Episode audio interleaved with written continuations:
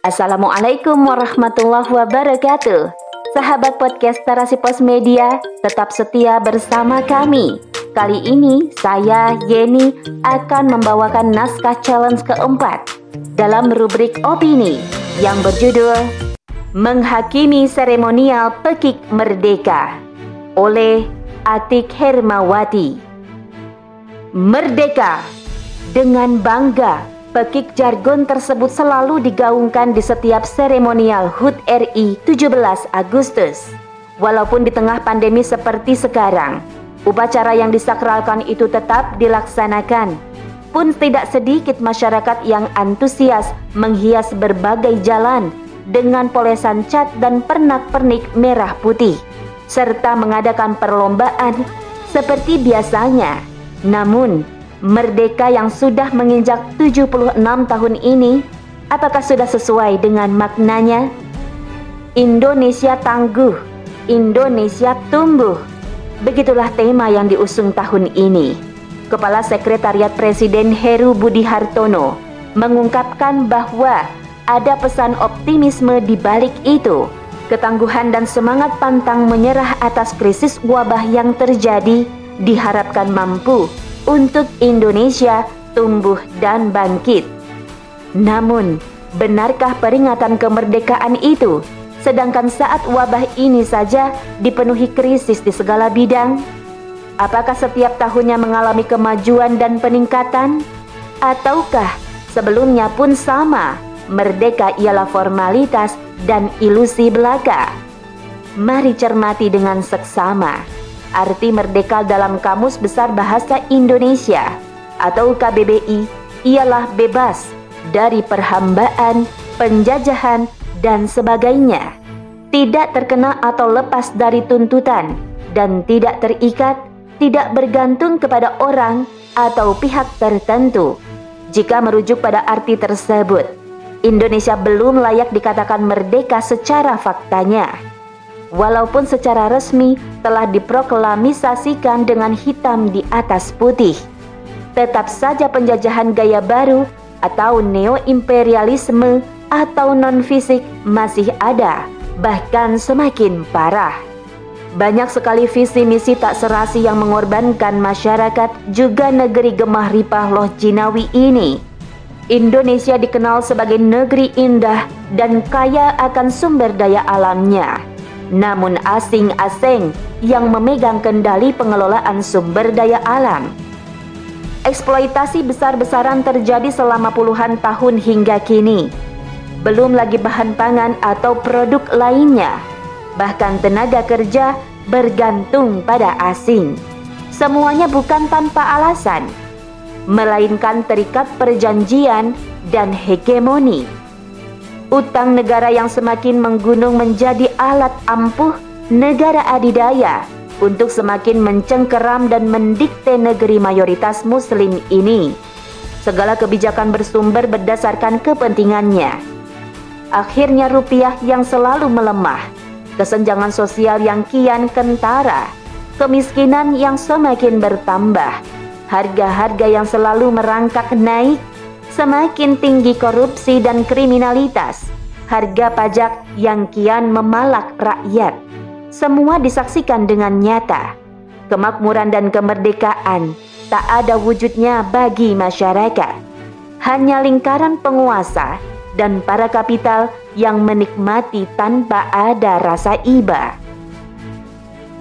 Rasulullah Shallallahu Alaihi Wasallam pernah menulis surat kepada penduduk Najran di antara isinya ialah Amma ba'du Aku menyeru kalian untuk menghambakan diri kepada Allah dan meninggalkan penghambaan kepada sesama hamba manusia. Aku pun menyeru kalian agar berada dalam kekuasaan Allah dan membebaskan diri dari penguasaan oleh sesama hamba manusia. Al-Hafiz Ibnu Kasir Al-Bidayah wa An-Nihayah Romawi 5 garis miring 553 Itulah misi kemerdekaan dalam Islam yakni lepas dari penghambaan sesama makhluk atau manusia menuju penghambaan kepada Allah Ta'ala semata. Selain itu, juga terungkap kuat dalam dialog Jenderal Rustum Persia dengan Mugiroh bin Syu'bah yang diutus oleh Panglima Sa'ad bin Abi Waqqas radhiyallahu anhu. Yang kemudian dialog tersebut diulang kembali dalam dialog Jenderal Rustum dengan Rabi'i bin Amir, utusan Panglima Sa'ad bin Abi Waqqas radhiyallahu anhu di mana ia diutus setelah Mughirah bin Su'bah radhiyallahu anhu dalam perang Qadisiyah untuk membebaskan Persia. Jenderal Rustum bertanya kepada Rabi bin Amir, "Apa yang kalian bawa?" Rabi menjawab, "Allah telah mengutus kami. Demi Allah, Allah telah mendatangkan kami agar kami mengeluarkan siapa saja yang mau dari penghambaan kepada sesama hamba manusia menuju penghambaan hanya kepada Allah, dari kesempitan dunia menuju ke lapangannya, dari kezaliman agama-agama selain Islam menuju keadilan Islam. At-Tabari, Tarik Al-Umam wa Al-Muluk, bab 2, halaman 401. Benar, dalam Islam selain terbebas dari penjajahan fisik dan non-fisik atau neo-imperialisme, namun merdeka harus juga lepas dari penghambaan terhadap sesama hamba atau manusia. Artinya, tidak boleh ada sedikit pun peraturan negara dari buatan atau hasil pemikiran manusia, tapi sumber yang hak yakni dari Sang Pencipta, Allah Subhanahu wa Ta'ala. Walaupun saat ini Amerika Serikat dan sekutunya dikatakan negara adidaya, tapi dalam Islam mereka belum merdeka sama sekali layaknya Persia sebelum ditaklukkan oleh Islam dahulu. Sehingga merdeka ialah saat sumber daya alam yang ada dikelola negara sepenuhnya untuk memenuhi kebutuhan seluruh masyarakat, bukan oleh individu atau swasta, bahkan asing dan asing. Tambang emas, minyak, gas alam, hutan, laut, dan lainnya dioperatori secara mandiri, bukan kerjasama apalagi diperjualbelikan. Lalu utang luar negeri yang menjadi alat kontrol penjajah tak ada sama sekali. Pendapatan dan pengeluaran kas negara jelas dari sumber yang pasti. Sumber daya alam yang melimpah tak ada alasan untuk berutang pada IMF ataupun Bank Dunia yang penuh riba. Negara pun tidak bergantung pada produk asing. Impor bukan hobi, justru produk lokal didukung dan difasilitasi demi peningkatan kualitas yang memadai. Sistem pasar tidak berdasarkan ketentuan asing dan asing yang membahayakan. Kemandirian negara mengelola sistem pasar dari hulu ke hilir berjalan secara sehat dan bermartabat. Pajak dan cukai juga tidak ada dalam kamus pendapatan negara. Pungutan yang memberatkan masyarakat tidak diperkenankan sama sekali. Sandang, pangan, papan, pendidikan, kesehatan, dan lainnya untuk masyarakat dijamin sepenuhnya oleh negara, bukan dengan tolok ukur untung rugi, melainkan amanah dan sepenuh hati. Tak ada lagi rakyat yang mengemis demi sesuap nasi. Semuanya mendapatkan hak untuk hidup layak. Tak tertinggal, korupsi dapat dibabat habis, mulai tingkat bawah hingga kepala negara. Tak ada suap menyuap, jual beli kursi, apalagi rutan VIP bagi tikus berdasi. Sanksi berat agar pelaku jerah dan berpikir dua tiga kali serta kriminalitas lainnya pun jarang unjuk gigi. Sebab keadilan yang bersumber dari aturan ilahi. Merdeka seperti itu nyata dengan pondasi utama negara ialah takwa, yakni menerapkan aturan Islam secara sempurna dan mengabdi total pada Sang Maha Kuasa.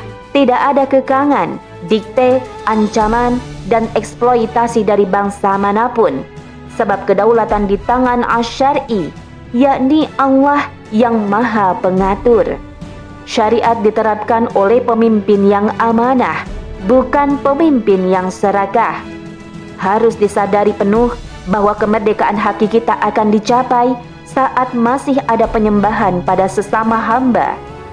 Allah jelas melarang manusia untuk berhukum pada selain darinya, seperti yang dilakukan Bani Israel, yakni patuh dan taat terhadap aturan yang dibuat oleh para rohib mereka. Terdapat dalam Al-Quran Surat At-Taubah ayat 31. Meskipun mereka tidak menyembah rohib-rohib tersebut secara langsung, namun itulah bentuk penyembahan mereka selama sistem buatan manusia yang diterapkan oleh negara, yakni kapitalisme maupun sosialisme, maka negara ini tidak akan meraih kemerdekaan hakiki. Masyarakat dan sumber daya alam akan selalu jadi objek eksploitasi. Hegemoni akan senantiasa mencengkram kedaulatan negeri. Ekonomi semakin terpuruk dengan inflasi yang tak terkendali, serta terjerat penghambaan terhadap arahan Barat. Untuk itu, perlu penerapan sistem yang akan memerdekakan manusia dari penjajahan fisik, eksploitasi, dan penghambaan terhadap sesama makhluk.